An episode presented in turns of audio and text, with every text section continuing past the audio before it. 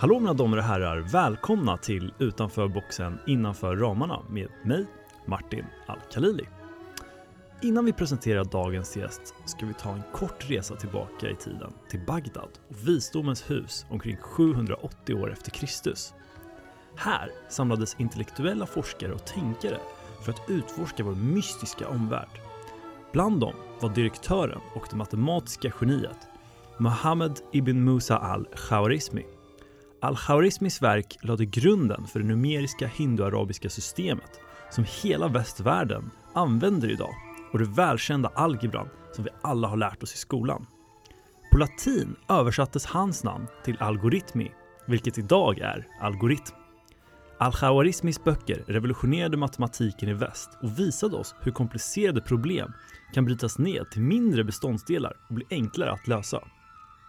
Alan Turing till exempel, den berömde matematikern, lyckades använda algoritmer genom sin maskin för att knäcka Enigma-koden under andra världskriget. Och idag, i en komplicerad värld fylld av teknologi och systemberoende, är algoritmer något som vi ofta hör talas om utan att riktigt förstå vad det innebär. Idag i poddstudion har vi med oss Tommy Andersson som bland annat är professor i nationalekonomi på Lunds universitet och expert på algoritmer. Tommy forskar främst inom teorin för allokeringsmekanismer och marknadsdesign och i sin forskning använder han metoder från nationalekonomi, operationsanalys, datalogi och spelteori. Anderssons forskning är främst teoretisk, men hans arbeten har haft en mycket stor praktisk betydelse då han genom sitt ideella arbete har sparat ett skattekapital upp till 400, det är en miljard då, genom att implementera ett flertal av sina beslutsalgoritmer. Ett av dessa är Sveriges och Skandinaviens första njurbytesprogram, Scandia Transplant eh, Paired Kidney Exchange Program, STIP. Det första njurbytet inom ramen för detta program skedde i oktober 2018 och sedan dess transplanterade patienter regelbundet inom ramen för STIP. Så stort välkommen Tommy Andersson. Tack snälla för att jag får komma hit idag.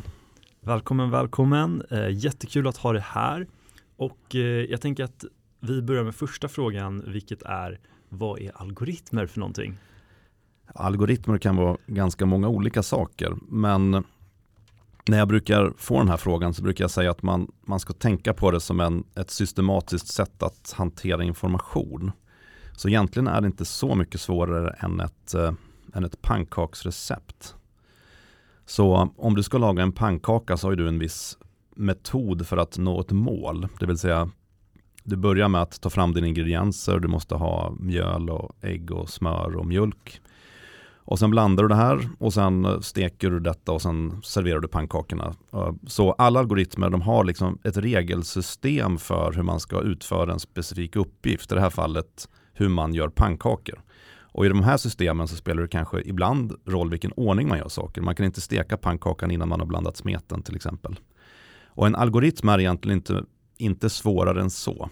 Det är klart det blir väldigt komplicerat när man har stora datamängder och mycket matematiska beräkningar. Men i princip går det ut på att man, man har ett regelsystem som leder till någon typ av mål. Och om det målet är att man ska få en bra sökträff på internet eller hitta en bra matchning på en datingplattform så är det egentligen samma grundläggande princip. Ett antal regler för att nå ett mål.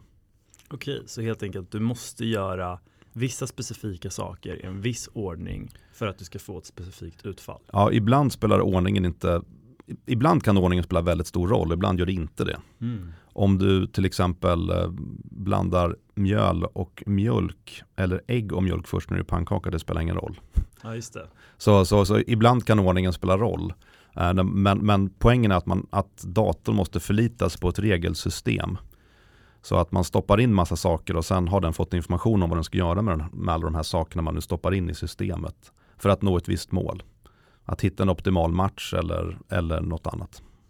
Superhäftigt. Och eh, det finns flera typer av eh, olika algoritmer. Och eh, kan du berätta gärna liksom, vad är skillnaden med dem? Eh, varför har de en så stor betydelse i vårt samhälle? Och eh, vilken är du specialiserad i? Ja, det finns ju massa olika typer av algoritmer. Det kan vara såna enkla sorteringsalgoritmer hur man ska sortera information helt enkelt.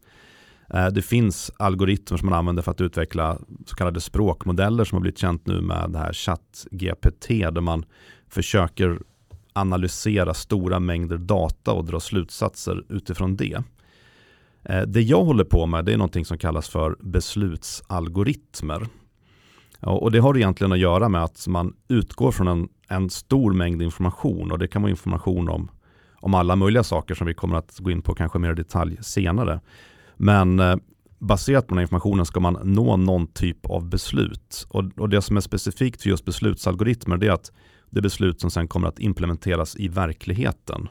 Till exempel om du tar alla skolbarn i Stockholm och sen vill du ta reda på i vilken skola ska de placeras. Så beslutet i slutändan det blir helt enkelt en skolplacering baserat på all information man har om de här barnen. Och det kan ha att göra med var de bor, hur nära de har till alla skolor, eh, vil, vilka skolor de vill gå i, om de har syskon i skolor, om de har speciella förtur på grund av något annat, att de har valt en specialinriktning eh, och så vidare. Så att man tar all den här informationen som man får och sen behandlar man den enligt ett systematiskt sätt för att i slutändan skicka ut ett brev till alla vårdnadshavare i Stockholm att, för att tala om exakt vilken skola deras barn ska gå i. Och för att göra det här så, det låter ju kanske lätt, men om vi ska sätta det lite grann i perspektiv då. Så om ni tänker er att ni har, eh, vi, kan, vi, vi kan göra det väldigt enkelt, säg att ni har 23 barn och 23 skolor. Och det finns en skolplats på varje skola. Så hur många olika sätt då kan man placera de här 23 barnen och de här 23 skolorna? Om man då tar ut alla möjligheter hur man kan placera dem så finns det ungefär lika många sätt att placera de här barnen som det finns sandkorn i Saharaöknen. Om vi då tar en stad som Stockholm där man kanske har 150 skolor och en eh, ja, 25-30 000 barn som ska placeras varje termin så då, då blir det liksom mer möjligheter att placera de här barnen än vad det finns partiklar i universum. Och det är klart att man vill ju, om man vill hitta en så bra match som möjligt så måste man tänka ganska systematiskt kring hur man ska göra det här. Det räcker inte att använda papper och penna. Och det är där kanske då sådana som jag och många av, av mina föregångare i branschen som hållit på med det här långt, långt, långt innan mig. Du nämnde ju Alan Turing till exempel som höll på redan på 40-talet med sina grejer. Och och mycket av det som jag, den typ av algoritmer som jag kollar på, det utvecklades på 60 och 70-80-talet och sådär. Och sen har vi förfinat det genom åren då. Men eh, det är viktigt att man på något sätt tänker igenom de här besluten för att det påverkar människor. Det påverkar vilken skola någon ska gå i, det påverkar vem som ska få ett mänskligt organ, det kanske påverkar var en flykting ska bo någonstans i ett land och så vidare och så vidare. Superhäftigt och, och nu när du nämnde det här med skolbeslut, du skapade en algoritm om det förstår jag. Ja, alltså jag ska säga nu att vi kommer att prata kanske en del om, om mitt praktiska arbete och det kommer ju låta som det här är en one man show. Att det är jag som har gjort allt, men så är det absolut inte, utan det finns ju massa människor som, som jobbar med mig, som i skola till exempel jobbar jag mycket med Danny Kessel, Elisabeth Olme, med njurgrejerna så jobbar jag mycket med Per Lidner och massa andra människor runt om i, i Skandinavien och i världen faktiskt. Så att, så att även om det är mig det här, handlar det här samtalet handlar om så vill jag att alla lyssnare ska veta att jag inte på något sätt är ensam i detta. Jag är bara en liten, liten del av ett stort, stort maskineri. Men nu, nu företräder jag det här. Så till din fråga då. Skolor. Så det är ganska intressant faktiskt för att redan i början på 1960-talet så fanns det två personer, en som hette Lloyd Shapley och en som hette David Gale, som började fundera på det här med det vi kallar för matchning idag, hur man ska para ihop eller koppla ihop saker. Och de skrev en artikel som publicerades 1962 i en matematisk tidskrift som handlade om hur man skulle bilda stabila äktenskap, som det heter. Eh, och det är klart att även fast arrangerande äktenskap finns runt om hela världen så är det de flesta av oss tror ju kanske inte på idén om att man ska rangordna partners och sen ska man matchas ihop av någon slags algoritm.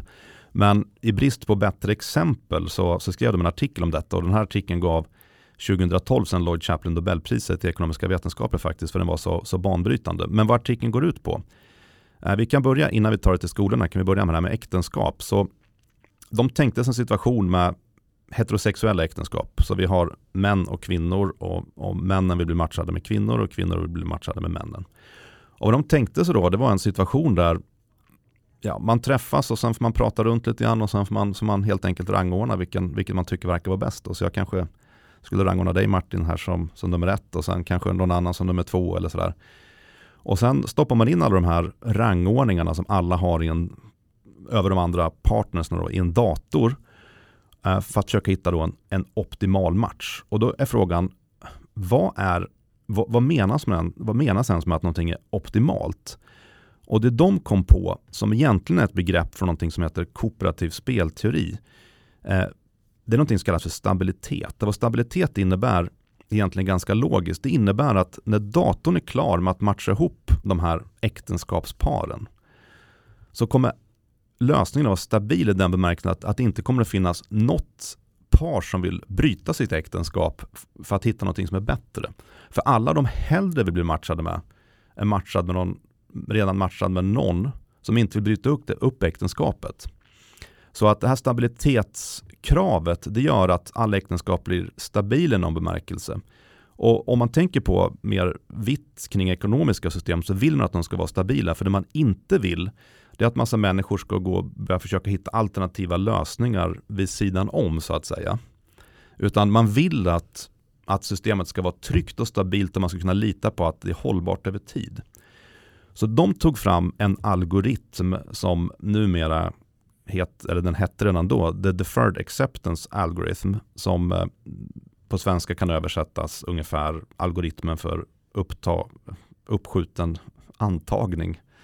Och, och, och, den hittar de här stabila matchningarna och det är ganska häftigt då att om vi, om vi tar det här exemplet igen då med de här sandkornen i Saharaöknen. Så om du skulle ha 23 män och 23 kvinnor så finns det lika många sätt att matcha de här på som det finns sandkorn i Saharaöknen.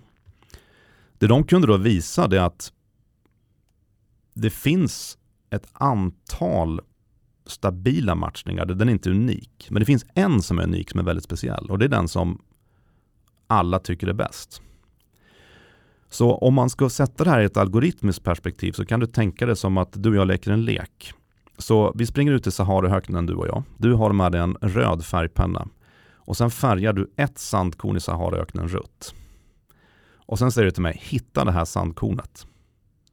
Och det är klart, det är nästan omöjligt. Men vad deras algoritm gjorde då, det var att den hittade då ett, ett system för hur man systematiskt söker igenom alla tänkbara matchningar eller alla tänkbara sandkorn för att identifiera det här unikt bästa sandkornet i Saharaöknen.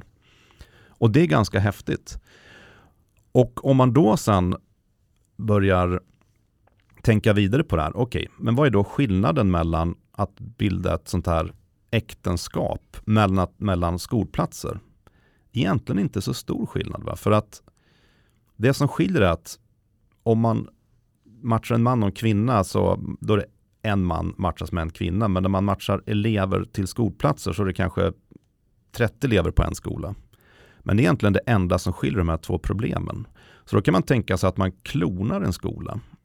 Så att eh, om man har 30 platser på en skola kan man tänka sig som att det är eh, 30 identiska skolor med en plats var. Och då kan man använda den här algoritmen som de kom på för att göra det här. Och om man då ska ta den här tolkningen då till, eh, till det här med stabilitet, så det är exakt vad vi vill ha. Precis som vi vill ha stabila äktenskap, vi vill ha stabila skolplaceringar. Det ska inte finnas några elever som vill byta plats med varandra. Om jag vill ha din plats så vill inte du ha min. För att om jag vill ha din plats och du vill ha min, då är det något fel i systemet och tappar vi effektivitet, eller hur? Och det de visar då är att den här algoritmen går att använda även i skolplaceringar. Eh, och eh, det var ju såklart en, en ganska stor grej. Inte då, för det var ingen som brydde sig. Men om man, om man spolar fram bandet ungefär 30-40 år sådär, som man är någon gång inne på slutet på 90-talet, början på 2000-talet, så börjar man inse runt om i världen att det finns massa problem med hur vi placerar barn i skola för att föräldrar är missnöjda, pedagoger skriker och det, det, blir en stor karusell där folk inte blir placerade på skolor de vill bli placerade. Och uppenbarligen finns det effektivitetsvinster att göra här och hur löser man då det? Och det är där det kommer in en annan hjälte i vår historia här som heter Al Roth som delade Nobelpriset 2012 tillsammans med Lloyd Shapley. Som då insåg att man kunde modifiera hans algoritm bland annat för att sköta skolplaceringar på ett, på ett bra sätt.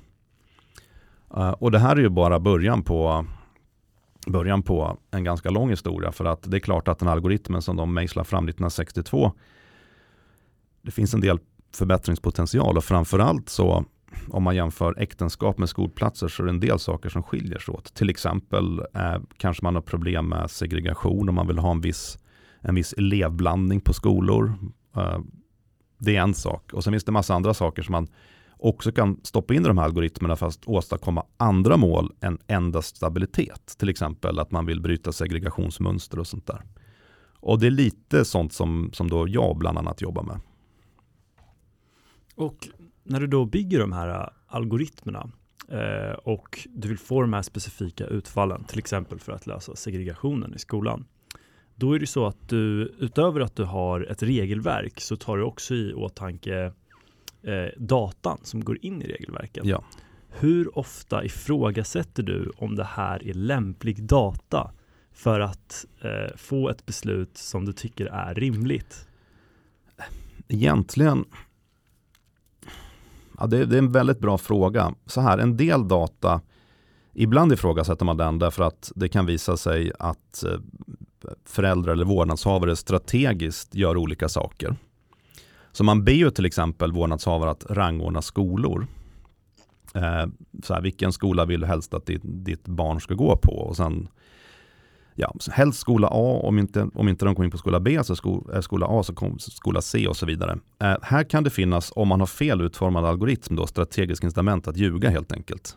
Man vet att, om det, att, att ljuga om vad man egentligen tycker kan man tjäna på. Och det här var någonting som hände bland annat i Boston, där smarta föräldragrupper kom på hur man skulle lura algoritmen helt enkelt genom att ange en falsk rangordning av skolor. Eh, och då kan man inte lita på datan överhuvudtaget. Och det här är ju någonting som, eh, eh, så, som vi inte tycker om. Därför att vi vill ju att data ska vara informativ. Alltså datan ska vi inte bara använda för att placera elever i skolor utan datan ska också användas för att ge till exempel kommuner information om vilka skolor som är populära. Så om man vill bygga en ny skola så är det bra att veta till exempel vart söktrycket finns egentligen. Men om man inte kan lita på den data som kommer in så kan man ju fatta helt fel beslut. En skola som till synes ser ut att vara väldigt populär kanske inte är det egentligen. Så att där kan man designa algoritmer som, där det faktiskt ligger i alla vårdnadshavares intresse att rapportera exakt sanningsenlig information och det går att visa då med hjälp av spelteori. Eh, vilket Al Roth gjorde i början på 80-talet till exempel. Det är en sak. En annan sak där med det här med data, det är att det finns en del föräldrar agerar strategiskt också för att skolplatstilldelningar runt om i världen, i alla fall för grundskolan, baseras ofta på närhetsprinciper och sådär. Och där kan det ju finnas strategiska incitament att, att till exempel skriva sitt barn hos eh, en morfar och mormor som bor närmare en viss skola till exempel, för man ska ha bättre chans att komma in på den. Så att vi vill kunna lita på datan, men det är inte alltid vi kan göra det tyvärr. Superintressant och eh, som jag förstår då när ni implementerade de här algoritmerna för att göra det mer jämlikt eller rättvist att söka till de mest populära skolorna. Exakt. Så istället för att enbart de som bodde närmast ska få gå de här populära skolorna så gjorde ni så att ni slumpmässigt gör det och gör att det blir mer liksom brett. En person som bor längre bort kan komma. Eller... Alltså, så, så skulle vi vilja göra. Nu har vi tyvärr en lagstiftning att, att anpassa oss till mm. som är helt urusel och jag tror ganska många som lyssnar på det här och om det är någon politiker som lyssnar så vet ju ni att jag har lobbat i ungefär tio år för att vi måste ändra vår lagstiftning för den är otroligt föråldrad. Dessutom finns det inbyggd diskriminering mot människor som bor i vissa områden. Det är liksom inbyggt i den svenska lagstiftningen. Det här är någonting man borde ändra på, på direkt. Så att det är klart att när vi håller på att jobba med skolval här i Sverige så måste vi hålla oss inom lagens ramar. Det vi däremot kan göra det är att vi kan se till att, att givet vår dåliga lagstiftning så kan vi göra det så bra som möjligt och framförallt kan vi säkerställa att, att man faktiskt följer lagstiftningen. Och för att göra det så måste man använda matematiska metoder helt enkelt. För, och anledningen är precis lika enkel som, som det vi har pratat om tidigare. Om ni tar den här sa, sandkornen i Saharaöknen igen så, så finns det ju ganska många olika sätt att göra det på. Uh, och om det då finns ett rött sandkorn eller ett sätt som är det bästa så det är klart att det hittar man inte med papper och penna och ett Excel-ark utan det måste ha en dator som räknar på det där. Så att vi måste hålla oss inom, inom lagen som är utdaterad och uråldrig och dålig. Men givet det så kan vi åtminstone göra det så bra som möjligt. Så kan man säga. Mm. Så om jag förstår dig rätt då så är det så att du använder dig av beslutsalgoritmer i huvudsak för att göra det mer rättvist för att få det där röda sandkornet som ja, alla precis. vill ha. Exakt, så, exakt. Så, så, så vi hittar alltid det röda sandkornet. Problemet är att beroende på vilken lagstiftning man har så är det röda sandkornet kan, kan, kan vara olika röda sandkorn så att säga. Så vi ändrar på lagstiftningen så kanske det, man kanske, det är ett annat sandkorn som blir rött så att säga. Och det vi menar på idag att man borde ha större frihet att bestämma hur man ska göra de här skolplaceringarna. Som det ser ut idag så tror jag att det kan vara nionde kapitlet, tionde paragrafen i skollagen. Det kan vara någon annan paragraf, men, men det är i alla fall bara en paragraf som reglerar hela vår antagning till grundskola i Sverige. Och den säger i princip så här att alla elever har rätt till en skolplats, att, att väljas, välja sin skolplats. Men den rätten får inte gå ut över någon annan, annans elevrätt till en skolplats nära hemmet. Det, det är liksom allting som man kan basera svensk antagning till skolor på idag. Det säger till exempel ingenting om att man skulle kunna få lotta ut skolplatser. Det säger ingenting om syskonförtur. Det säger ingenting ens om hur man definierar den här rätt till en skola nära hemmet. Det finns massa sätt att definiera det på. Är det liksom den geografiskt närmsta skolan? Är det någon av de tre närmsta skolorna? Det, det, finns, det finns en hel uppsjö av olika sätt att tänka kring det här. Men det är inte specificerat i lagen överhuvudtaget. Så, och just det här, den så kallade närhetsprincipen, vad den gör då, det är att elever som bor sig i utanförskapsom, utanförskapsområden, de har nästan noll möjlighet att komma in på skolor som ligger i, säg, i innerstaden, helt enkelt för att de bor så långt därifrån. Eh, och det här är någonting som man, man skulle kunna lösa, för övrigt utan att bussa elever som, som en, del, en del verkar vara rädda för att kommer att ske. Men bara genom en liten mer öppen syn på vad det innebär med att få en placering i en skola nära hemmet. Det behöver ju inte vara den närmaste. Det kan ju vara till exempel någon av de tre närmaste. Eh, och om man dessutom då är lite smart kring hur man designar de här algoritmerna så kan det ju vara så att, att, eh, att man kan fylla ut skolplatserna bättre eh, och, och, mer, och mer smart. Många kommuner idag till exempel får elever bara rangordna tre skolor. Och det är ju helt hjärndött för att då, då, då, måste man ju nästan, redan där finns ju såklart ett strategiskt element. Om jag bara får rangordna tre skolor, det finns ingen anledning att ta tre innerstadsskolor till exempel, eftersom jag vet att jag inte kommer att komma in på dem. Då kommer jag bli placerad på en skola som jag absolut inte vill bli placerad på, kanske för att de här som anordnar antagningen, de har ingen aning om hur de ska göra om inte du kommer in på någon av dina tre bästa och då kommer de bara tilldela dig en speciell skola. Så att om man istället skulle säga så här, okej, okay, ni får rangordna hur många skolor ni vill. Och det spelar ingen roll för algoritmen, för den, i en sån här stad som Stockholm så rullar algoritmen igenom på 10 sekunder ändå, alldeles oavsett om man får rangordna en eller, eller 500 skolor. Det, det, det spelar ingen roll för algoritmens skull. Men om man skulle ha en lite mer öppen syn och säga så här, men skolan nära hemmet, det kan vara någon skola inom, eh, inom eh, två kilometer från där du bor. Det öppnar upp jättemycket möjligheter för att när man lägger restriktioner på hur många skolor man får söka så kommer det faktiskt att vara så att det finns en del skolor som faktiskt ligger inne i stan som kommer att ha stor, eh, lediga platser. Helt enkelt för folk inte har sökt dem. Men däremot man får söka hur många man vill. Då skulle man till exempel om man kommer från ett utanförskapsområde skulle man kunna söka alla skolor i innerstan, rangordna 40 av dem. Och om de här som då bor i stan inte faktiskt har blir placerad till sin närmsta skola utan någon av sina tre närmsta skolor så skulle man kunna fylla på innerstadsskolor med till exempel barn från utanförskapsområden. Utan bussning och allt sånt där. Och, och, det där är ganska lätt att göra men det är förbjudet att göra idag enligt svensk lagstiftning vilket verkar vara helt världsfrånvänt i alla fall om man, om man vill bryta ett segregationsmönster vi kan se.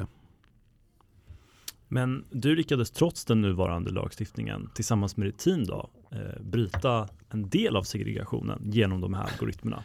Ja, vi, vi, vi, har i alla fall gjort simuleringar som visar att, att vi skulle kunna i stora städer i Sverige kunna bryta segregationen till, till, utifrån sådana här segregationsmått, att man skulle kunna minska segregationen med 15-20% sådär. Ganska enkelt genom att bara göra en liten lagändring. Och det skulle inte påverka någon annan elev egentligen märkbart förutom att någon som bor i en innerstad kanske skulle få gå 100 meter längre, 200 meter längre till en skola men fortfarande få en innerstadsskola. Eh, men det är klart att det, det som eh, Danny, Elisabeth och, och jag och andra har, har gjort i, i, vårt arbete det är att genom att använda i alla fall en, en smart algoritm där man får rangordna många skolor åtminstone gör öppnar upp för möjligheten att man kan komma in på en skola långt ifrån hemmet om det finns lediga platser. Så att i någon bemärkelse kanske vi har, har minskat det lite grann men inte alls så mycket som vi skulle kunna göra med väldigt enkla medel. Mm. Just det, för ni är begränsade inom lagstiftningen. Ja, vi är begränsade inom lagstiftningens gränser och, och den måste man ju såklart respektera men jag tycker att det har varit mycket snack nu ganska länge om att göra om den här lagstiftningen. Problemet är att, tycker jag, att man blandar äpplen och päron i svensk skolpolitik. Att det finns, vi har ju som vi vet ungefär 20% av alla våra elever går på friskolor och 80% i kommunala skolor. Vi har en diskussion om hur skolpengen ska utformas. Vi har en diskussion om kötiden i friskolor. Och sen har vi en diskussion om hur man ska göra själva skolantagningen, det som jag har pratat om nu. Och ofta, blandar, ofta liksom mixar man ihop de där sakerna. Det här som jag har pratat om nu, det är egentligen ganska okontroversiellt. Eh, att man ska ha en, ett gemensamt antagande och att man måste se över reglerna för antagning. Det är någonting som många stora friskolekoncerner vill. Det är många politiska partier i riksdagen som vill. Men varje gång de diskuterar det här så kommer de in på alla de här andra frågorna. Ska vi ha köer till friskolor eller inte? Hur ska skolpengen utformas? Och sen kommer man inte fram till någonting. Istället för att dela upp det här i lite separata frågor. Så en fråga hur gör vi skolantagningen? Okontroversiellt, nästan alla överens. Hoppa, klubba igenom den då. Och så kan ni fortsätta bråka om kötider och allt det där andra vid något annat tillfälle. Ja just det, fokusera på det viktiga menar du? Liksom. Ja, jag, menar att, jag menar att alla saker är viktiga och man kan ha olika åsikter om dem, men åtminstone de okontroversiella sakerna borde man kunna liksom stopp, bara, bara lösa det så att säga, istället för att låta andra saker som är mer kontroversiella blockera det som är okontroversiellt. Ja, just det. Just det. Så klarhetssituationen fokuserar det på det vi kan fokusera på. Precis, ja, det, det som vi vet hur vi faktiskt ska lösa och det som det egentligen inte råder någon, ja, någon debatt om. Alla är ganska överens. Alla är inte helt överens men ganska överens i alla fall. Super. Okej, okay. så när du använder dig av de här beslutsalgoritmerna så tar du i slumpmässighet och snälla sig till mig om eh, jag inte förstått dig rätt. Um, hur inkluderar du slumpmässighet i de här algoritmerna för att skapa ett eh, efterfrågat eller rättvist utfall baserat på vilket fall du har? För jag förstår det att, eh, att räkna in slump är väldigt svårt. Ja, räkna in slump är svårt och det finns också vissa begränsningar. Man, man, man får inte göra det enligt svensk lagstiftning idag, men, men det gör ju alla kommuner ändå såklart. Eh, för att det kan ju komma situationer där man har två helt, låt oss kalla dem identiska elever. Elever som bor på samma adress till exempel och sen finns det bara en skolplats kvar och sen har du fem elever i samma hyreshus, vem ska få platsen? Så även om man rent tekniskt inte får använda en, en lott eller en slump i, i skoltilldelning idag så, så måste det göras ändå, vare sig man vill eller inte. Men det är klart man skulle kunna använda den mycket mer, men det tillåter inte lagstiftningen. Så till exempel skulle man kunna tänka sig att man kanske tycker att, och det, det, det är ju en ideologisk fråga vad man tycker om det, men man skulle kunna resonera som så att, att adressen bör kanske spela, eller man kan resonera som att adressen man bor borde spela lite mindre roll.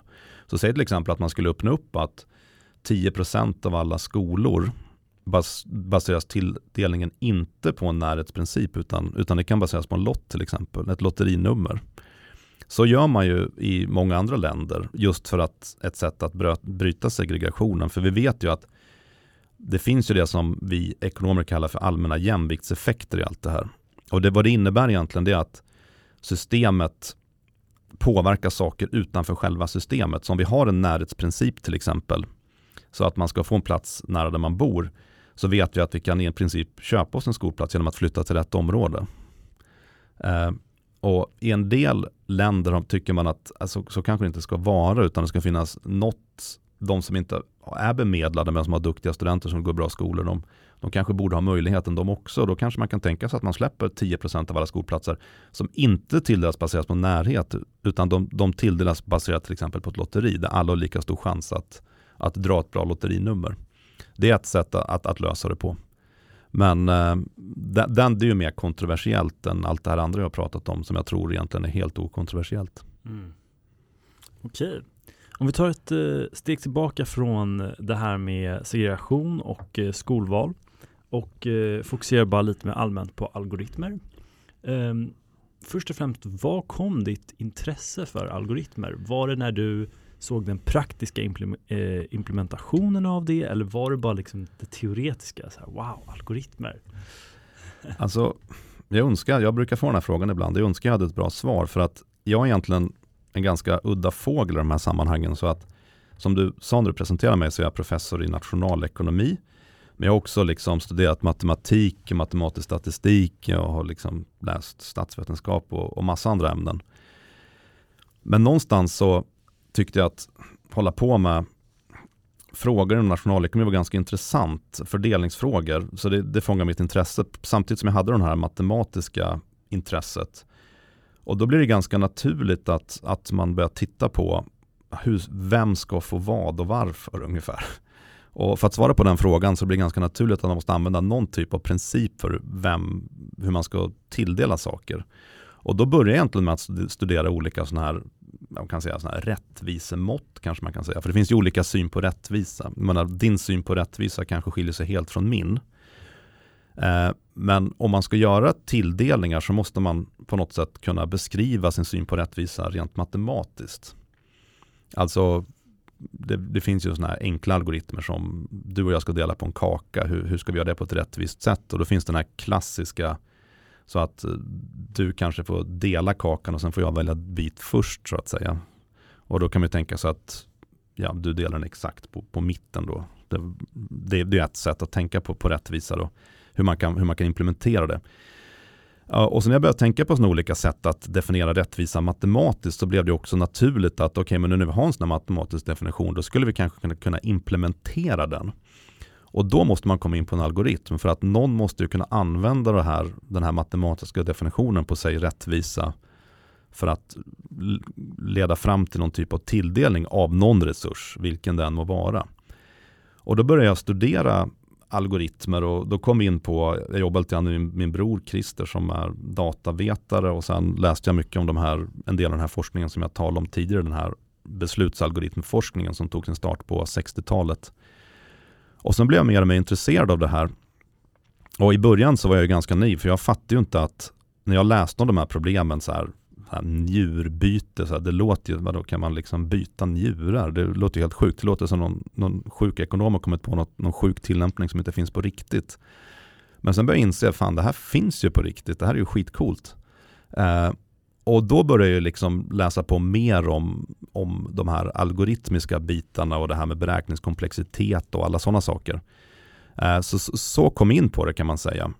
Och ungefär de senaste kanske 15 åren har jag också jobbat med det då, dels som forskare och sen dels i mitt praktiska arbete. Och eh, jag tänker att du berättade till exempel att man har en matematisk definition av rättvisa när man eh, håller på med sådana här algoritmer och jag tänker liksom finns det utrymme att ta in fler komplicerade fall av till exempel då eh, rättvisa när man gör en algoritm. Eh, istället för att säga så här, ja, men jag ska dela kakan i hälften så får vi var för sig så kanske någon säger, ja men för att jag eh, bakade kakan så borde jag få tre fjärdedelar. Eh, och så kan du få resten. Kan man liksom programmera ja, in sånt? Ja, det, det, går, det går alldeles utmärkt. Om, det, det viktiga är att man har en tanke, men, men det vi ofta brukar göra då när vi håller på med de här matematiska sakerna, det är att vi brukar, vi brukar titta på det, det vi kallar för axiom i matematiken, så olika typer av definitioner. Så att om du kommer på en regel och den kanske, den kanske låter jättesmart i ditt huvud och i mitt huvud, så här, shit, ju, du bakar ju kakan, det är klart det ska vara tre fjärdedelar. Men då kan man då liksom studera till exempel an, liksom vilka egenskaper skulle en sån regel ha. Det skulle kunna vara så till exempel att om den som bakar kakan får tre fjärdedelar så vill både du och jag baka kakan säger vi. Okej, men det, säg nu att vi bara ska baka en kaka. Hur vet vi då till exempel om det är du eller jag som ska baka kakan? Ett sätt är ju att vi lottar då, du får baka eller jag får baka. Ett annat sätt är att man, att man designar en smartare mekanism som säger så här, okej, okay, men hur stor andel av kakan ska du ha eh, och för att baka den? Och då kanske du säger så här, men om jag ska baka då ska jag ha tre fjärdedelar. Och då säger jag, men ärligt talat, får jag två tredjedelar som är lägre, då kan jag baka den. Då, blir det något, då köpslår vi samtidigt här liksom. Och då säger du, men vänta, vänta, två tredjedelar säger du. Ja, men jag kan faktiskt göra det för 60% när jag tänker efter. Och, och, och, då blir det en annan algoritm där vi köpslår med varandra över liksom, och då kommer vi till slut komma överens om någonting, till exempel att du bakar den och du får 55% av kakan. Det är det vi kommer överens om. Så istället för att bara bestämma tre fjärdedelar kan vi låta du och jag köpslå med varandra för att komma fram till vad den optimala tilldelningen blir så att säga. Och, och, och, sånt kan man bygga in då. Så att den här tre fjärdedels grejen som ett sånt där mått som är givet av Gud på något sätt, att det är tre fjärdedelar. Den regeln hade jag underkänt helt enkelt för jag tror det är mycket bättre att vi får köpslå om det.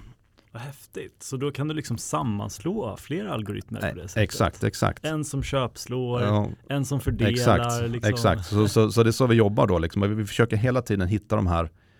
Eh, för att om vi tar då till exempel din, din lösning, tre fjärdedelar, förlåt nu, nu målar jag ut dig här som en, som en dålig teoretiker. Jag menar inte det, utan jag bara tar det som ett exempel. Åh nej, hemskt. Hemskt, jag vet, jo, du kommer inte kunna sova i natt och allt det där. Verkligen, men... du kommer springa runt varv i parken här. Precis, men, men om jag skulle utvärdera den då, då skulle jag kunna säga så här att jag tycker inte det är en bra algoritm, därför att det kommer att finnas situationer då båda vill baka till exempel.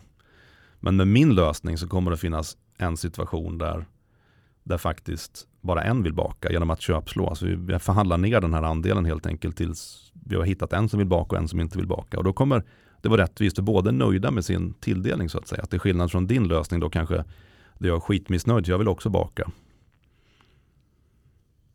Så häftigt. Och eh, är det så nu, alltså när du använder de här algoritmerna att, för, för jag ser det här att det här är ju en eh, en, vad du har gjort är att du har tagit människors grundläggande behov, eh, grundviljan, människans vilja till att få saker, eller hur? Att uppfylla sina intressen och sen så har du liksom matematiskt fördelat det på något sätt. Jag tycker det är så häftigt. Eh. Ja, precis. Men med detta sagt så blir inte alla nöjda såklart, utan, utan det, finns ju, det finns ju fall där det här med kakan, där, kan, där kan vi hitta en lösning där både du och jag kommer att känna oss nöjda med. Men det finns ju såklart fall där, där många, många är missnöjda av olika anledningar. Och det har att göra med att om vi tar liksom vad, vad är ekonomi? Och ekonomi det är ju egentligen läran om knappa resurser kan man säga. Så att om, eh, om det vore så att alla kunde få allt de vill, då skulle vi inte behöva ämnet ekonomi, utan alla skulle bara kunna gå och hämta vad de behöver i en lada. Men tyvärr är det ju inte så, utan, utan det är ju hela tiden avvägningar som måste göras. Om jag ger mer pengar till dig så blir det mindre till mig så att säga. Eh, så att eh, det är inte alltid man kan hitta lösningar som alla är nöjda med, men däremot kanske man utifrån någon typ av rättviseprincip kanske kan förlika sig med att även om alla inte är nöjda så finns det åtminstone en tanke bakom att det blev som det blev. Så om vi tar till exempel, eh, vi tar ett annat exempel som jag jobbat med, det här med organtransplantation.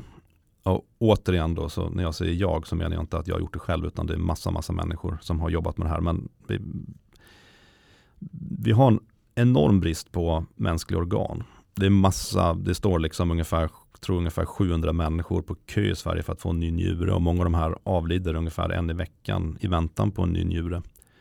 Och det är klart, när nya njurar dyker upp så är det väldigt många som som vill ha dem så att säga. För att om man inte får den så kommer man att dö förr eller senare. Men eh, där är det ju så att alla kan ju inte få en tyvärr. För om alla hade kunnat det, då hade vi inte haft den här väntelistan. Och då blir det ju på något sätt att de som inte får en njure, de är ju såklart väldigt missnöjda med det. För det handlar ju om deras liv. Jag hade varit jättemissnöjd om, om jag inte fick en njure. Så där kan, man inte, där kan man inte göra alla nöjda, men däremot så kan det finnas då måste man tänka efter väldigt noga. Vem ska få en njure? Och då kan det ju vara så till exempel att man kan ha en rättviseprincip som baseras på hur länge man har väntat. Så säg att, att jag har stått på den här listan i 7-8 år och du kommer, in, du kom in på listan igår. Då kan man tycka att det kanske är mer rättvist att, att, att jag får njuren som har väntat länge till exempel. Och det tror jag de flesta skulle köpa. Precis som eh, de flesta skulle köpa att om, eh, om det står en, en, en femåring på listan och en 98-åring på listan och bara en kan få njuren så tror jag de flesta skulle tycka att det var mer okej okay att femåringen fick den än att 98-åringen fick den. Inte alla tycker så såklart och det ska man ha respekt för att det finns inget rätt eller fel här men, men man, man, man måste ändå kunna resonera sig fram till hur man tycker någonting är rättvist även i de här väldigt svåra etiska situationerna. Så alla blir inte, alla blir inte nöjda men det måste finnas ett tänk. Där kan man inte helt slumpmässigt dela ut utan det måste finnas kriterier för vem som har bäst rätt till någonting. Och när ni försöker undersöka vem det är som har bäst rätt till någonting, är det då kollektivets eh, opinion då, då eh, som bestämmer vad som är rättvist? Ja, det är så här, vad gäller mänskliga organ så där har jag inte blandat mig, den, blandat mig i den diskussionen överhuvudtaget utan, utan det är liksom kunnig person, liksom, det är läkare, det är vävnadstyper, det är medicinetiker. Sådana som jobbar, faktiskt jobbar med det här och, och, som mycket, mycket bättre än vad jag någonsin skulle kunna bedöma det på något sätt bedömer. För det är ju så att, att om en person avlider under rätt omständigheter så att säga eh, så kan man ju ta den här människans organ och donera och det måste gå ganska snabbt. En, en njure måste in i en, en ny kropp inom 12 timmar, ett hjärta inom 6 och så vidare. Och, och, och, då måste man veta där när personen precis när då avlider under rätt omständigheter, vem, vem har rätten till det här organet? Och då måste man ha principer. Eh, och det kan ha att göra med sådana enkla saker som att, att någon befinner sig nära. Då måste ju som sagt vara redo för operation väldigt snabbt. Så att då, då kan sådana saker spela roll. Men också hur länge man har väntat, att man har rätt eh, antikroppsuppsättningar och, och massorna sådana där saker spelar in i de här besluten. Okej, så det, det är liksom massa olika saker? Ja, massa olika bestämmer. saker för att eh, jag menar vi har ju ja, liksom en, om vi tar en njure till exempel, den måste passa in, liksom man måste vara blod, blodgruppskompatibel som det heter så att man kan inte liksom min njure passar inte in i vilken kropp som helst den måste också vara kompatibel med, med vävnadskropp, äh, vävnadstyper och så vidare. Så att så att det är det första steget att lista ut vem passar den här njuren in i? Vem skulle kunna ta emot den utan att stöta, stöta bort den då? Och sen blir då nästa steg, givet att vi har ett antal patienter den här passar in i, vem ska få den? Och där finns det då vissa kriterier och regler som man använder sig av helt enkelt. Supercoolt, verkligen. Och eh, blir det så då att har du märkt att människor är mer accepterande av de här besluten? Känner de att det är mer rättvist? Ja, det, det, det, ja, det måste ju finnas regler och det gäller ju allt. Det här med njurar, det är såklart det är, väl, det är på liv och död. Så det är, men alla beslut, även skolplatsbeslut eller du kan ta egentligen vilka beslut som helst, hur man, hur man delar ut godis i en skolplats. Det är alltid bra utifall det finns en acceptans för hur regelsystemet går till. Och framförallt är det viktigt att människor förstår hur, reg hur regelsystemet är uppbyggt. Att det finns en transparens där. Och det är faktiskt en enorm fördel, för det är en av de, det är en av de största fördomarna som sådana som jag ofta stöter på. De säger så här, men oh, om en dator eller en algoritm gör det här, då, då är det ingen människa som vet hur, hur, hur det här kommer att gå till.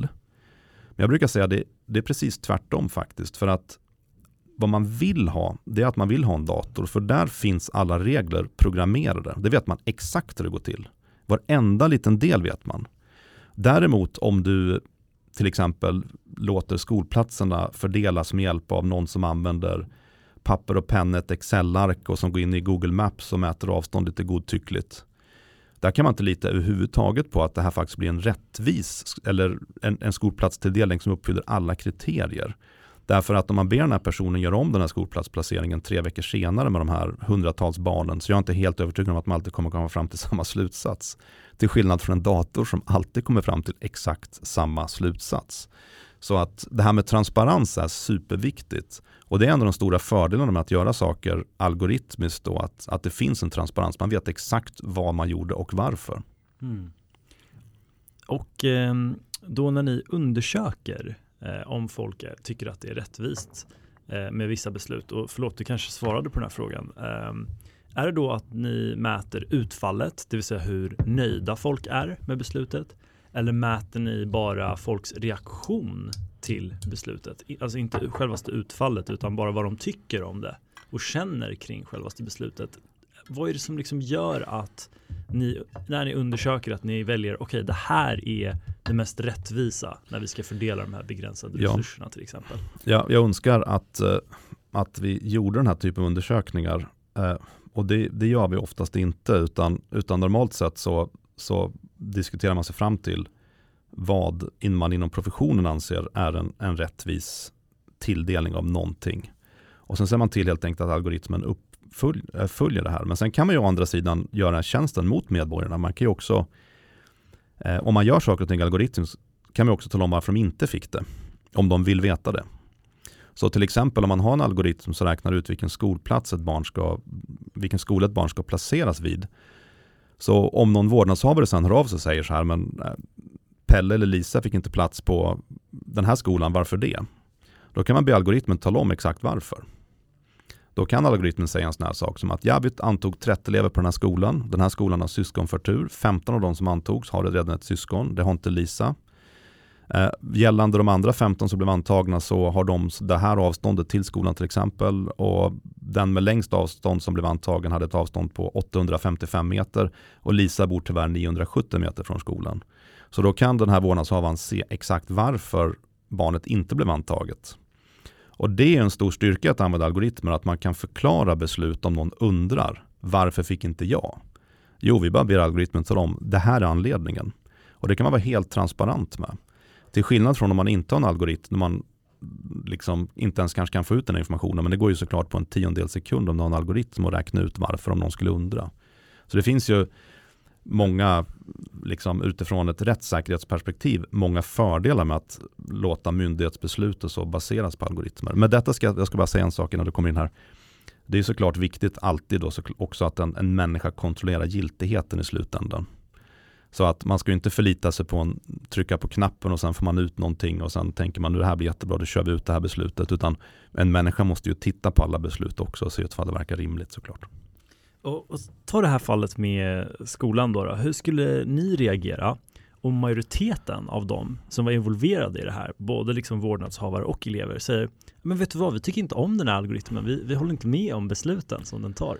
Hur skulle ja. ni reagera på det? Ja, alltså vad, vad gäller algoritmen så där finns det, des, den som vi använder i alla fall i Sverige, eh, finns det inga bra argument överhuvudtaget att, att ha några synpunkter på den, för att vi vet att den både matematiskt och empiriskt faktiskt är väldigt bra. Men om så är fallet? Men om så är fallet så beror det på en sak, jag vet exakt vad det beror på. För att det är såklart att det är många som är väldigt missnöjda med sina skolplaceringar. Det beror på den här urusla lagstiftningen vi har. För att en algoritm blir inte bättre än de regler den måste basera sig på. Och har man då en urusel lagstiftning som vi har i Sverige med väldigt oprecisa, oklara regler eh, då blir kanske inte utfallet så bra som det skulle kunna ha blivit om man hade, om man hade haft bättre regler eller mer rika regler. Så att om föräldrar klagar, då kan jag säga så här, utifrån de reglerna som finns så går det inte att göra det bättre. Däremot betyder det inte att reglerna är rätt. Så då får de gnälla på våra politiker och be dem att få tummen ur och faktiskt göra någonting åt det här. Superintressant, men eh, låt oss ta ett hypotetiskt scenario ja. och, och, leka lite med fantasin. Säg att du har det perfekta regelverket och att du vet att utfallet är bättre med det här etiska och systematiska regelverket du har. Men eh, parterna involverade av deras egna moraliska och etiska kompass vill inte ha det här regelverket även om utfallet är bättre. Hur skulle man göra i så fall tycker du? Värderar man då parterna som är involverade Ja. Eller värderar man utfallet även om parterna inte tycker om det? Ja, det är, det är faktiskt en, det är en väldigt bra fråga. Och ibland blir det ju sådär konstigt att, att man väljer inoptimala utfall för att någon tycker att det är bättre av någon anledning. Eh, men, men det är klart att det beror på vad man menar med part, parter här. Liksom, för att det är klart att man har de parterna som dels de som bestämmer reglerna så att säga. Och de har ju möjligheten att ändra på dem om de är missnöjda. Men som förälder till exempel, där, där har man ju kanske inte den möjligheten och då kan man ju vara missnöjd. Även om jag säger så här, tro mig, det hade inte kunnat bli bättre. Så kan ju de säga, men du har ju helt fel här därför att mitt barn vill gå på Lilla Adolf Fredriks skola och det fick den ju inte göra. Så det kan bli bättre för mig. Uh, och det är klart att då, då har ju föräldrarna en poäng för att alla kan ju inte få som de vill. Vi pratar ju om begränsade resurser. Om alla skolor har haft flexibel kapacitet så alla kommer in på sitt förstahandsval. Det är såklart, det är det som alla vill. Men det har vi ju inte. Så det är klart att det finns alltid folk som är missnöjda. Så vi brukar prata om det vi kallar för second best, det vill säga det, det bästa utfallet som går att få givet de restriktioner vi måste förhålla oss till. Och det är de utfallen vi kan hitta. Det här first best, alla får som de vill, det kan vi aldrig hitta. Om man inte har obegränsat med resurser och det har vi tyvärr inte. Mm. Det här lyfter ju jätteintressanta frågor om framtiden, till exempel eh, artificiell intelligens som politiker. Kan det vara så liksom att vi har så här superdatorer som tar extremt komplicerade politiska beslut för att eh, ja, men vi människor är liksom inte smartare och även om vi inte håller med så vet den att den, ja, men den räknar det bästa utfallet liksom. Ja, alltså jag önskar jag kunde säga något intelligent om just det, för, men jag, jag tror jag väljer att inte göra det för att dels känner jag inte riktigt att jag, att jag har kompetensen att just om den här, den här nya AI-utvecklingen, de här stora språkmodellerna och allt det där. Jag har inte riktigt den kompetensen som krävs att svara på den typ av frågor. Plus att det blir ett, ett filosofiskt resonemang som jag inte tänkt klart på än. Så att jag, jag tror inte jag vill, eh, jag tror inte jag vill, jag vill gå åt det hållet om det är okej. Okay. Ja, nej, absolut, det är helt okej. Men det är så intressant för jag tänker själv liksom när jag, när jag spånar på det att, eh, att om vi redan använder algoritmer nu för att bestämma saker som, alltså etiska beslut inom sjukvård och eh, skola, vilket, vilket har filosofiska underliggande resonemang då med rättvisa och så vidare. Jag kan tänka mig liksom ett, ett kollektiv av algoritmer, ett helt nätverk som, som skulle kunna liksom vara en, en sorts regering på något sätt. Och eh, det är ju ganska coolt för det finns en bra anime som heter Neon Genesis Evangelion där eh, de har en superrobot som kallas The Magi som tar eh, politiska beslut och eh, grundar sig lite på, på samma tanke. Så eh, superhäftigt att höra dig prata om det faktiskt. Ja, jo, nej, men det, det är klart att som sagt eh, det som är fördelen med den typ av algoritm som jag arbetar med är att vi, vi måste alltid bestämma liksom vad målet är och sen kan algoritmen jobba fram till, till så nära det här målet man kan komma. Eller ibland faktiskt träffa exakt det här målet. När det gäller politiska beslut så finns det ju väldigt mycket osäkerhet och sådär. Så att en algoritm normalt sett baserar sig på historisk data som den, den matas in med. Så att för att Google ska lista ut ungefär vad jag är intresserad av när jag skriver en sökfråga så kan den basera på mina tidigare sökningar eller vad andra människor har sökt på. Men det betyder inte att Google vet vad människor kommer att söka på imorgon till exempel. Så att om, om man har den här, man tänker sig att man har den här politiska, super, den här superdatorpolitiken då, så kan det komma in sådana här chocker i systemet som den inte alls är beredd på. Att, att Ryssland invaderar Ukraina till exempel, eller sådana saker. Och det kan ju i och för sig finnas med i dess liksom, potentiella framtidsscenarier. Men, men man vet ju aldrig vilka, vilka effekter det har på liksom, så här supply chains av, av jordbruksprodukter som kommer från Ukraina, majsodlingar, vad det har för, vilken båttrafik man kan ha i Östersjön och så vidare. Alla de här sakerna som eh, en, en dator kanske mycket väl skulle kunna modellera men som den kanske inte kan följa i realtid. Och, så av den anledningen så, så, är det nog ganska långt bort innan vi kan lämna över den typ av beslut till en, till en algoritm eller en dator eller ett kluster av algoritmer. Ja just det, precis. Jag förstår det. Ja, men det finns liksom slumpmässiga utfall, vi kan liksom inte veta vad som händer, Black Swans, som ja. Nassim Taleb brukar prata om. Uh, ja men absolut, så det, människan kommer vara kvar uh, väldigt länge. Ja, jag, jag hoppas ju det, för att som jag förtydligade tidigare också, att det är väldigt viktigt att en människa alltid tar, tar en titt liksom på vad som händer. Annars kan det gå som i Göteborg, om vi pratar skola till exempel, att, att när de hade räknat ut skolplaceringar där så glömde man ju bort att det faktiskt fanns, fanns vattendrag i Göteborg som gjorde att, att eh, den här fågelvägen som såg, såg så trevlig ut, den kanske inte var så trevlig om det låg vatten mitt emellan och så, så blir det kaos och sen överklagar 1200 föräldrar beslutet och sådär. Eh, så att en människa måste alltid kolla på, verkar det här rimligt? Eh, I alla fall den typ av algoritmer som jag jobbar med. Eh, ja, så att ja, så människan behövs och människan är viktig. Däremot som, som beslutsstöd och som räkneapparat är algoritmer fantastiskt användbara. Superfint. Ja, men vilken, vilken cool grej alltså, att lära sig om algoritmer. Det är verkligen eye-opening. ja. Um, Okej, men din första bok då, Algoritmmakaren, Ja. eh, vad handlar den om? Min första bok, Algoritmakaren, den, den handlar egentligen ja, det ska, jag kan ju avslöja lite grann vad som står i förordet. Den handlar om att jag var ganska, jag var jävligt arg. Eh, och det här har att göra med att jag har liksom en, en uppblåst personlighet och liksom, jag är knäpp på alla möjliga sätt. Det, alla som känner mig vet att jag är det. Så att det, det är inget, och jag vet om det själv också. Att jag tyckte liksom att vi hade, liksom, det var för jävla dåligt mycket av det som hände i Sverige. För att det finns lösningar på, på en del saker som till exempel det här med skol, skolplaceringar som jag skrivit lite grann om. Eh, men också det här med integrations, eh, integration och, och, och, det som hände under hösten 2015 när vi hade en väldigt stor eh, invandring till Sverige. Så tyckte att våra politiker inte tog det riktigt på så stort allvar som de borde. Eh, helt enkelt därför att de hade liksom ingen plan med de här människorna som kom. Och där menar jag på, med många med mig då, att här skulle man kunna tänka lite mer systematiskt kring, kring hur man gör. Eh, och så anledningen till att jag skrev den boken var egentligen mer så här att jag ska skriva om tre saker där man kan göra samhället, tror jag, lite bättre genom att basera det på algoritmer. Och det var ju då skola som vi pratat om, jag skrev lite grann om organ som också pratat lite grann om, men, men framförallt skrev jag om flyktingmatchning och de projekt som, eh, som jag tillsammans med kollegor i USA och England och även här i Sverige har försökt implementera och som vi faktiskt också har implementerat i USA. Och där är ju då tanken, den grundläggande tanken är väldigt enkel. Om det kommer en ny människa till ett nytt land, så det absolut bästa sättet för den här människan att bli integrerad, det är att få ett socialt sammanhang. Och det får man ju typiskt genom en, att få ett arbete. Om man får ett arbete får man en inkomst, får man en inkomst då känner man att man, att man bidrar och bara det är ju liksom väldigt bra. Man får ett nytt nätverk, man lär känna nya människor och man lär sig förstå det nya samhället. Och då menar vi på att det måste finnas en plan för de här människorna som kommer. Vad kan de tänkas göra i framtiden? För deras skull och för samhällets skull. Och det kan ju vara så att beroende på vart man blir placerad i landet så har man olika stora möjligheter att, att integreras.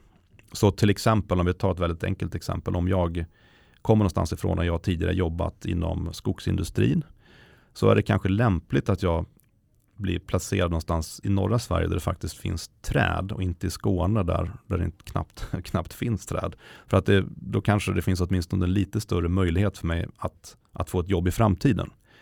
Så det var själva, själva grundprincipen i det problemet. Eh, där vi försökte helt enkelt förstå utifrån människors bakgrund, vilken utbildning de hade, vilka tidigare jobb de hade, vilka språk de talade. Vart någonstans, i vilken region i ett land de har störst sannolikhet att få ett jobb. Och om man då skulle börja placera dem på det sättet så skulle man också kunna öka sannolikheten att de faktiskt kommer i arbetet lite snabbare. Och när vi började med det här eh, 2015-2016 sådär så hade vi såklart ingen aning om om det här skulle funka eller inte. Och faktum är att vi vet fortfarande inte om det skulle funka i Sverige. Vi har inte fått tillgång till data. Däremot så började vi jobba med en organisation i USA som heter HIAS, Hebrew Immigrant Aid Society. Eh, för i USA fungerar det så att de kvotflyktingar som kommer till USA, de tas alltid om hand av en, en ideell organisation. Så att det är inte som i Sverige att vi har ett migrationsverk som, som välkomnar och, och ser till att de får en placering. Och så, utan de kommer till ideella organisationer och den här judiska organisationen som vi arbetar med eh, tog emot då någonstans mellan, eh, om jag kommer ihåg rätt, 6-7% av alla kvotflyktingar som kom till USA. Den här organisationen hade då men de var helt beroende av att, att få in bidrag från sina medlemmar och, och, lite statsbidrag för att ta hand om de här kvotflyktingarna.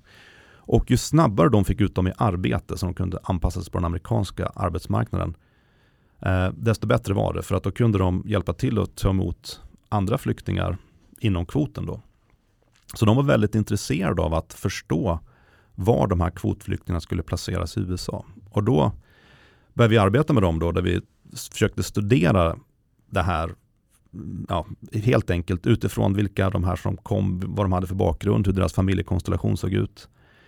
Vart bör de placeras i USA? Och det hade inte bara att göra med möjligheterna för jobb, det hade också att göra med hur familjekonstellationen såg ut. För att det måste finnas skolplatser till barn, en del kanske har vissa medicinska behov och sådär. Så då, vad vi gjorde egentligen var att vi, vi försökte lösa något sånt där multidimensionellt Tetris, det här gamla dataspelet, det är något som kallas för ett kappsäcksproblem eh, i, i, i liksom den här matematiska världen. Och så använde vi data och sen då lyckas vi räkna ut att, eh, att vi tror, trodde då att ungefär vi skulle kunna få ungefär 20% fler människor i arbete inom 90 dagar från ankomst. I USA har man liksom, där mäter man eh, succén i integration, att man har ett arbete inom 90 dagar från ankomst. Det är ett ganska hårt krav. I Sverige inom 90 dagar så har inte hänt någonting. Men, men vi, vi tror då att ungefär 20% mer skulle kunna få ett jobb inom 90 dagar. Och vi, gjorde, vi implementerade det här med Hayas. Och, och så blev det också. Och eh, dessutom så sparade de otroligt mycket tid, den här organisationen. För att normalt sett så får man de här mapparna då som varje kvotflykting får en mapp där det står vilka de är. Och vi automatiserar allt det där, kör in i en dator, talar om att placera den här. För vi tror att den kommer få störst jobb, sannolikhet att få jobb på det här stället. Så de sparar ju liksom hälften av all deras administrationstid gjordes som en dator istället. Så bara där frigjorde de massa resurser för att fokusera på de här mer komplicerade fallen. Eh, så vi var mycket glada med, med vårt samarbete med Haya, så vi tänkte att vi skulle köra här i Sverige, men det funkar inte alls av olika anledningar för att det var många olika myndigheter var tvungna att tala med varandra och ja, det gick åt helvete kan man säga. Så, så apropå boken då, så tänkte jag jag ska skriva en bok om hur man kan göra en del grejer, enligt mig. Eh, och det är, det är såklart lite spekulativt för att vi har inte gjort det i Sverige, så vi har ingen aning om det skulle funka eller inte. Däremot det som är ganska intressant då, sen vi har skrivit, sen jag skrev den här boken som kom för några år sedan, så har det hänt ganska mycket med de här andra problemen. Så vi har nu implementerat ett njurbytesprogram i Sverige. Det har växt till Danmark, det finns nu också i Norge, det finns i Finland, snart kommer Island, vi hoppas på Estland, nu har vi börjat titta på att bygga ett europeiskt program. Så de här tankarna som redan då fanns i boken, att så här borde man göra och vi hade redan börjat arbeta med det då, det är verklighet nu. Precis som det jag skrev om med de här skolvalsgrejerna. Det är också verklighet i väldigt många kommuner i Sverige idag. Det här med flyktingmatchning däremot, det har inte hänt någonting i Sverige, men det, det, många länder runt om i världen tittar på liknande system faktiskt. Så det var den boken handlar om, hur man med hjälp av liksom smarta beslutsalgoritmer kan göra samhället lite, lite bättre i tre aspekter. Organ, skolor och flyktingar. Så häftigt och eh, otroligt viktigt också. Alltså ni, ni löser verkligen konkreta samhällsproblem. Hur, hur öppna är beslutsfattare till era förslag när ni kommer och säger med kolla här, vi har en sjuk lösning på det här, liksom, det funkar på det här sättet. Vad, vad är deras reaktion till det? Alltså, det är lite olika tror jag, för att om man tar det här med, med organen då så hade vi turen att, att, eh, att prata med dem redan 2012-2013 sådär. I samband med att Al Roth fick sitt Nobelpris så blev jag inbjuden att skriva en artikel i Läkartidningen om det här och det gjorde jag och sen blev jag kontaktad och fick hålla ett seminarium i Göteborg och där träffade jag Per Lindner nu, han som är chef kan man säga för det här njurbytesprogrammet, ungefär för tio år sedan. Där gick det ganska lätt för att det är helt okontroversiellt. Det är väldigt få svenskar som inte tycker man ska kunna rädda mer liv med hjälp av transplantationer om det är möjligt. Det, det finns liksom ingen nästan som motsätter sig detta och tycker det här är fel. Alla vill samma sak. Och det vill de här, såklart de här läkarna, Per och Lars och Lasse och allt vad de hette. De vill också det. Så där jobbar vi mot samma mål. Sen såklart att det finns viss lagstiftning att ta hänsyn till. Det måste utvecklas IT-system, det måste utveckla liksom säkra datainsamlingssystem, det måste bygga algoritmer, det måste hitta rutiner. Allt det där tar jättelång tid men alla ville samma sak så det var helt oproblematiskt egentligen. Det här med skolor är mer problematiskt som vi pratade om tidigare så det är så massa olika saker som dimensioner som kommer in och alla har en åsikt om hur det borde vara. Eh, plus att det är ju lite knäppt och för att jag är ju ganska studdig när jag kommer och pratar med politiker som jag ofta får möjlighet att göra. Ja, jag säger så här, men jag tror fan vi har en lösning, inte en lösning, ingenting blir perfekt, men vi har en partiell lösning, någonting som kan bli lite bättre. Och det är klart, det låter ju, när någonting låter för bra för att vara sant så är det ju oftast inte sant. Eh, så jag förstår att ibland möts man med en sund skepsis. Och jag hade också, om det hade kommit in en snubbe som såg ut som mig och sa att man hade en lösning, hade jag inte heller trott på honom. Liksom. Eh, men nu när vi har lyckats med ett antal projekt, så nu tror jag liksom att många politiker kan, kanske hört talas lite grann om mig och sådär. De vet att oftast när jag säger någonting så gör jag det för att jag menar allvar och för att jag verkligen tror på det. Så nu för tiden blir jag faktiskt kontaktad ja, men lite då och då eh, av olika myndigheter som vill ha någon feedback. Och ibland kan det bara vara ett samtal på en timme hur man ska tänka. Ibland blir det någonting, någonting mer som jag blev inblandad i ett projekt om assistansersättning i Sverige som ett annat sån här, annan sån här grej som verkligen inte funkar som det ska. Eh, I somras pratade jag, eh, jag får inte säga hur då, men det var någon militär som ville prata under något tystnadslufte, så jag ska inte säga vad vi pratade om, men i eftermiddag ska jag åka efter den här inspelningen, ska jag åka till Arbetsförmedlingen och prata med dem. Eh, för två veckor sedan var jag i riksdagen och pratade med Moderaterna om skolval och sådär. Så att, så att det är ganska många människor nu som, som, som lyssnar intresserat. Och många av dem tycker det låter bra, men sen måste man också ha djup respekt för att bara för det kommer någon och säger att någonting funkar så måste man, det måste utredas, det måste kontrolleras, det måste in, man måste liksom ha någon typ av lobbyverksamhet där man försöker övertyga andra människor och man måste vända och vrida på hur ser lagstiftningen ut och sådär. Så att jag förstår att bara för att någon kommer och säger någonting så kommer det inte hända på, på en vecka. Det kommer heller inte hända på ett år eller ens fem år. Men så småningom kanske det kan hända. Och med detta sagt så har inte jag alltid rätt heller. Så att det, det, är, också, det är också bra att man, att man blir bemött med en sund skepsis. Mm. Alltså jag, jag tycker det är så häftigt att Eh, att, du gör allt det här och att du gör det ideellt och att dina projekt har sparat så ofantliga mängder pengar och du har skapat så mycket värde. Varför, um, först av allt, varför gör du det här ideellt? Var kommer det ifrån? Alltså, du lägger ner så mycket tid och arbete på, ja, på det. Liksom. Jag ska då liksom en, en disclaimer först här så att, så att jag har i, till dagens datum inte tagit betalt någonting. Däremot så, när vi pratar skolor så är jag äger jag en liten, liten andel i ett, i ett bolag som hjälper till med det här. Men jag är oavlönad delägare.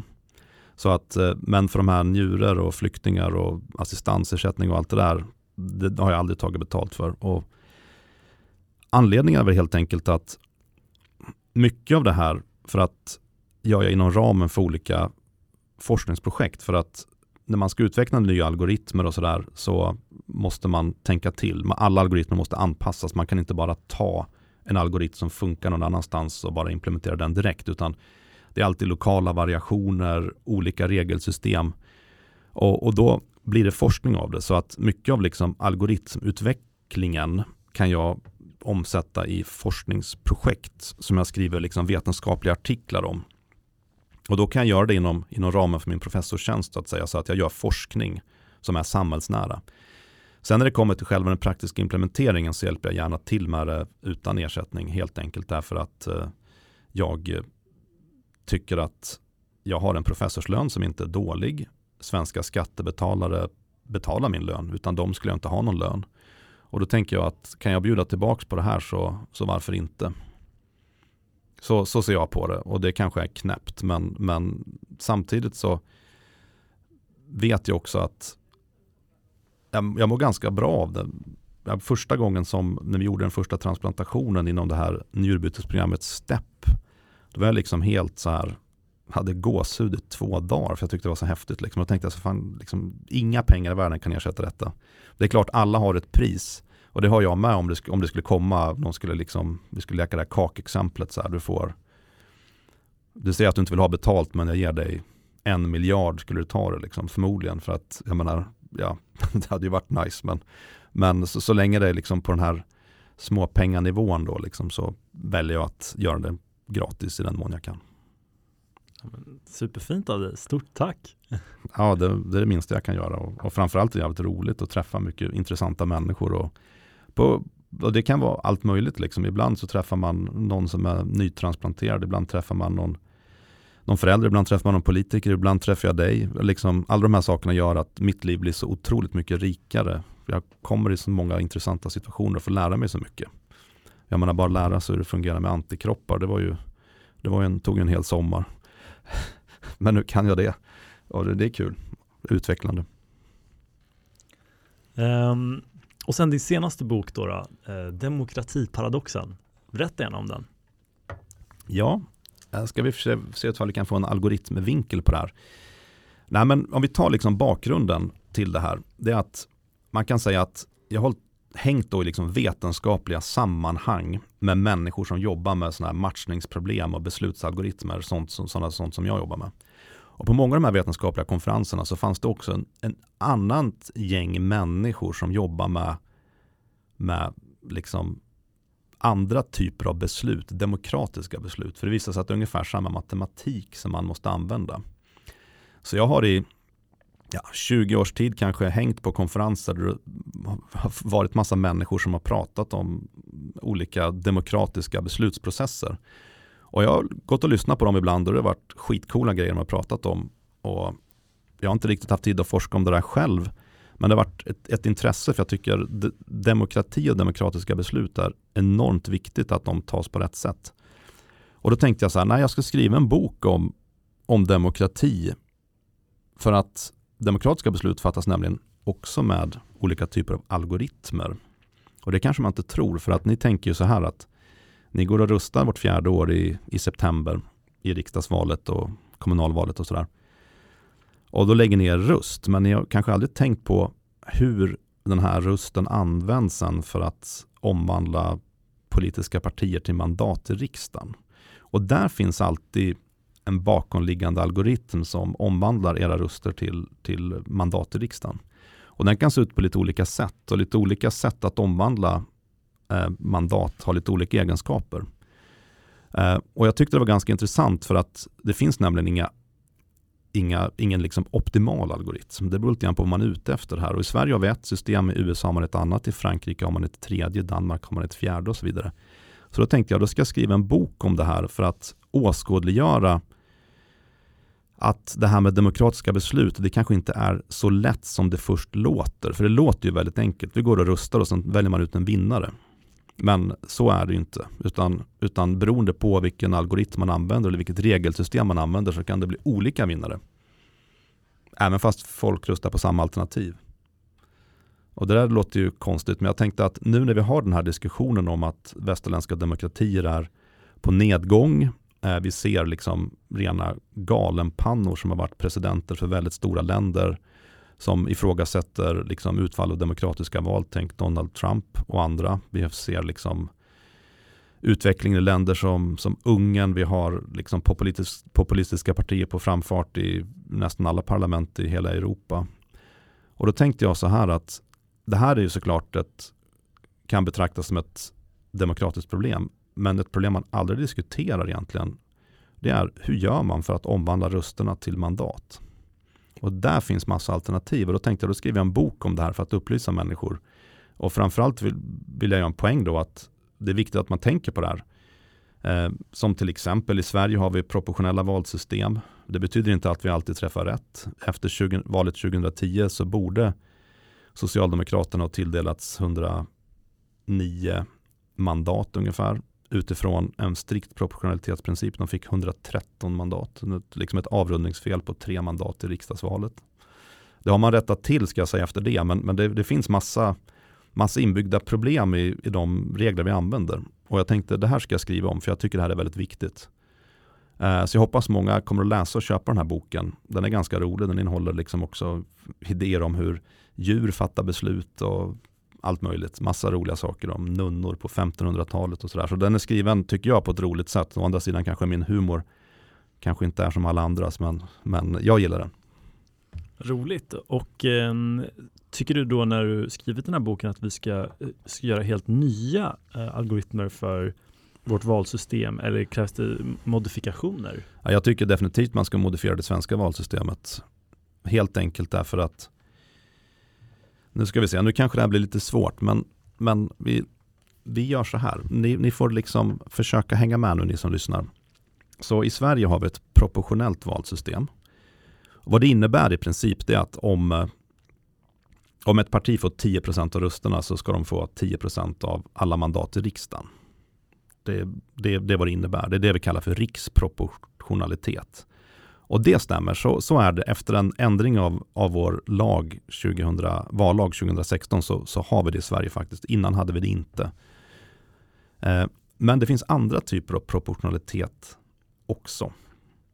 Så att man gjorde en, en utredning av den svenska vallagen då som jag sa, den, man gör det med jämna mellanrum och då kom man fram till att det finns proportionalitet på andra nivåer. Till exempel om vi tittar på våra valkretsar, vi har ett antal, jag kommer inte ihåg om det är 27 eller 29 nationella valkretsar i Sverige. Och det man också ville att man vill ha liksom en jämn representation från hela landet. Så att om, säg 10% av alla invånare bor i Skåne så ska Skåne få 10% av alla mandaten i riksdagen. Så det är inte bara liksom att partier ska vara proportionella utan, utan det är idealt också att regioner får en proportionell representation. Där misslyckas eh, svenska valsystemet idag. På den här andra nivån av proportionalitet, där, där missar vi ganska betänkligt faktiskt. Vi har väldigt disproportionella eh, tilldelningar. Det här går att lösa genom att man använder en annan algoritm. Den vi använder i Sverige idag, den utvecklades på 1790-talet ungefär, men på 1980-talet så utvecklades en algoritm av en, en matematiker som heter Michael Balinski och en nationalekonom som heter Gabriel Demange. De utvecklade en metod som heter den biproportionella metoden som garanterar alltid den här två typerna av proportionalitet. Alltså dels antal riksdagsplatser för partierna men också proportionalitet i förhållande till regionens storlek, alltså populationen i varje region.